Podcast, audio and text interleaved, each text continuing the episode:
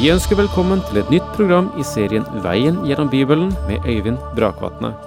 Denne studieserien er produsert av P7 Kristen Riksradio og bygger på serien Through the Bible av Vernon McGee. I dag fortsetter vi med gjennomgangen av Første Mosebok.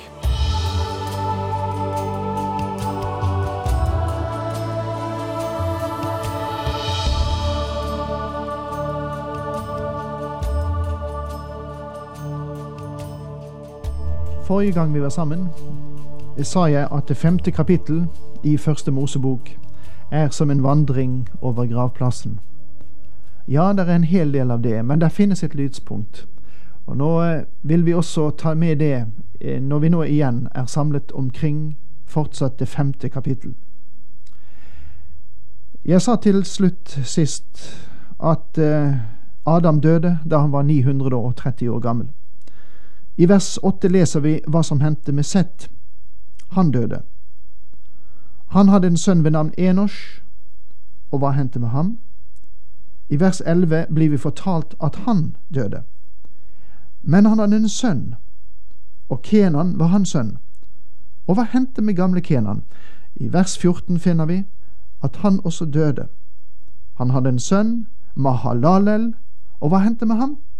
I vers 17 blir det sagt at han døde, men han hadde en sønn, og hans navn var Jared, og også han døde. Men før han døde, fikk Jared en sønn ved navn Enok. Da Enok var 65 år, fikk han sønnen Metushala. Og da døde vel Enok? Nei, han døde ikke. Dette er et mørkt kapittel, men her er den hvite flekken i det. Enok vandret med Gud i 300 år etter at han hadde fått Metushala, og han fikk sønner og døtre. Hele Enoks levetid ble 365 år. Enok vandret med Gud. Så ble han borte, for Gud tok ham til seg. Noe av det mest bemerkelsesverdige er at midt i dette dødskapitlet blir en mann fjernet fra denne jord. Det er sagt om Enok at han vandret med Gud. Og dette er virkelig noe å legge merke til. Det er bare to menn om hvem det sies at de vandret med Gud. I det neste kapittel finner vi at Noah også vandret med Gud.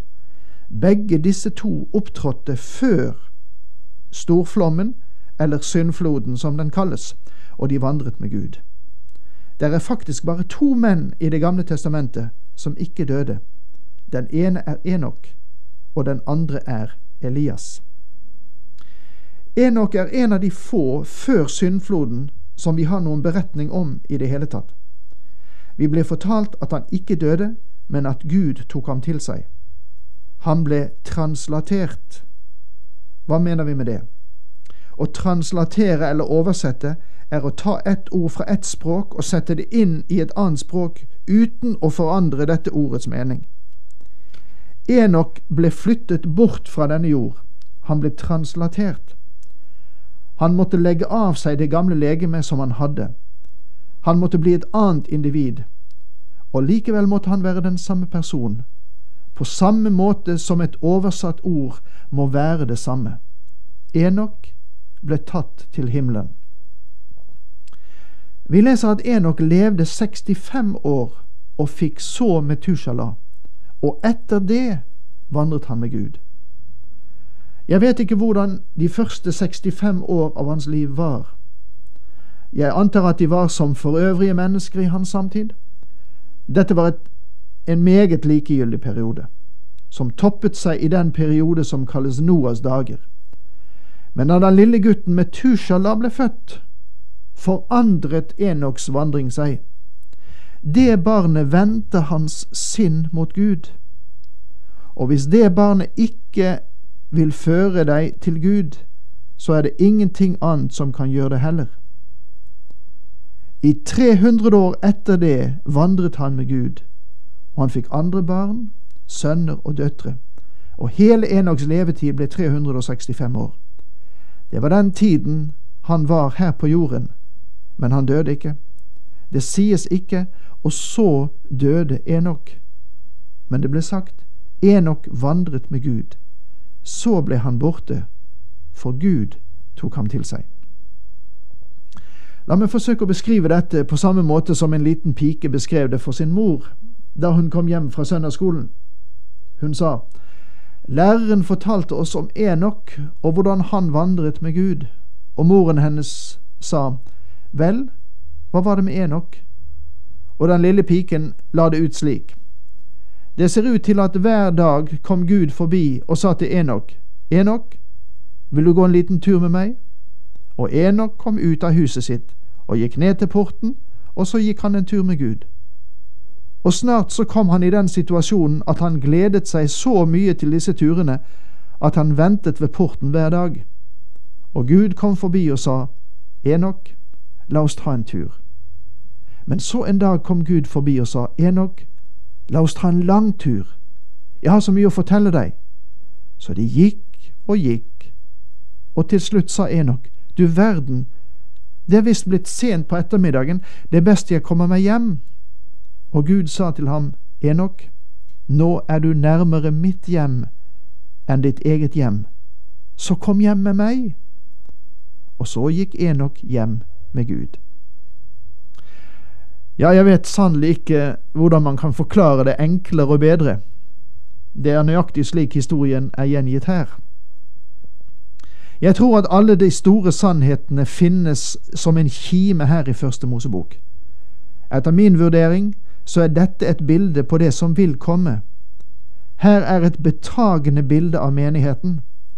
Før dommen kom med syndfloden, så tar Gud Enok bort. Hele Metushalas levetid ble 969 år. Så døde han. Metushala levde lenger enn Adam. Disse to menn, Adam og Metushala, knyttet faktisk sammen hele tiden mellom skapelsen og syndfloden. Faktisk kunne, ifølge ettertavlen, Metushala ha fortalt Noah alt fra jordens skapelse.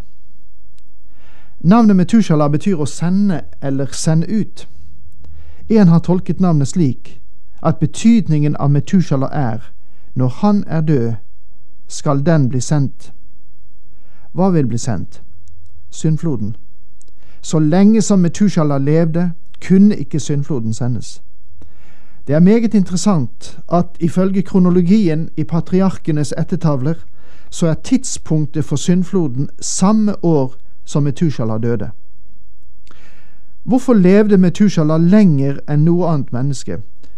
Jeg tror at Gud holdt ham her for å la menneskeslekten vite at han er tålmodig og nådig Gud vil også vente på deg hele livet. Peter taler om Guds uendelige langmodighet, og han skriver det slik. Det var de som på Noas tid hadde vært ulydige, da Gud i sin tålmod ventet mens arken ble bygd. I den ble noen få mennesker, i alt åtte, frelst ved vann. Når vi fortsetter gjennom resten av kapittelet, så blir hver mann nevnt, og deretter angitt at vedkommende er død. Hele Lameks levetid ble 777 år, så døde han. Da Noah var 500 år, fikk han sønnene Sem, Kam og Jafet. En populær teori i verden som blir blindt fulgt av mennesker, og er konklusjonen på all filosofi, det er at menneskenaturen er i sin rot god, og at den kan forbedres. Og hele filosofien går ut på at hvis vi bare forsøker å forbedre miljø og menneskets arv, så kan mennesket bli forbedret. Nesten enhver isme forsøker å forbedre mennesket. Arminianismen mener at mennesket kan hjelpe til med sin egen frelse.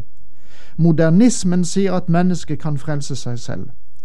Med andre ord så er frelse en slags gjør det selv-utrustning som Gud gir deg. Noen sekter sier deg at menneskenaturen er helt gjennom god, og at det egentlig ikke er noe som heter synd. Hva sier Gud og mennesket? Gud sier at mennesket er ondt, helt igjennom. Det er de forholdene vi alle er under. Det finnes ikke én som er rettferdig, ikke en eneste, skriver Paulus i Romerbrevet. Det er Guds ords vurdering. Om du vil akseptere Guds ord for din situasjon, så vil det gi deg en sannere forståelse av livet i dag enn det som andre kan gi oss. Her er nå menneskeslekten, og vi følger en Guds linje nå. Hvor vil den lede? Leder den til et tusenårsrike her på jorden? Skal mennesket klare å opprette en slags utopi? Nei. Det neste kapitlet forteller oss at en flodbølge, en dom fra Gud, kom over jorden. Og nå går vi da inn i det sjette kapittel, og stanser først ved årsaken til syndfloden.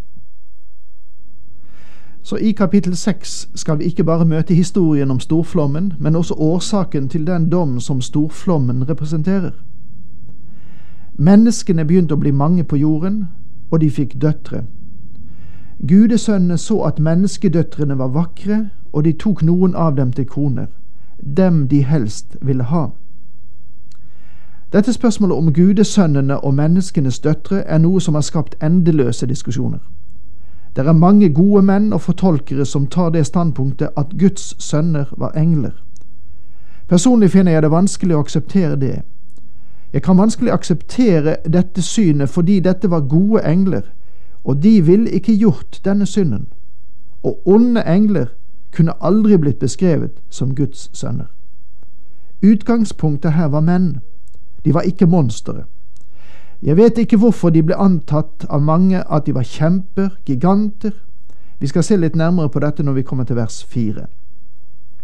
Herren sa, Min ånd skal ikke for alltid bo i menneskene, for de er bare svake skapninger. Deres levetid skal være 120 år. Vi tror at Noah preket og formante i 120 år, og i løpet av dette tidsrommet arbeidet Guds ånd for å nå mennesker.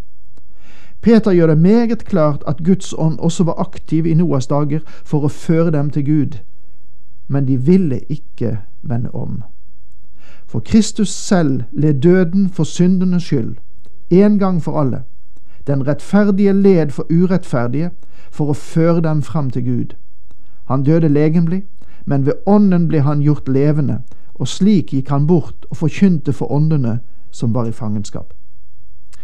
Disse åndene var i varetekt da Peter skrev, men de ble talt til i Noas dager.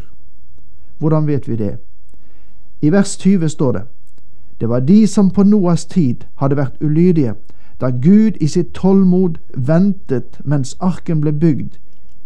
I den ble noen få mennesker, i alt åtte, frelst ved vann. Når var de ulydige? Under Guds lange tålmodighet i Noas dager, og gjennom disse 120 årene. På den tiden, og siden også, var det kjempe på jorden, for gudssønnene levde sammen med menneskedøtrene og fikk barn med dem. Det var de veldige menn fra eldgammel tid, de navngjetne. Jeg tror at vi må sette strek der for denne gang, men vi er tilbake igjen, så følg med videre.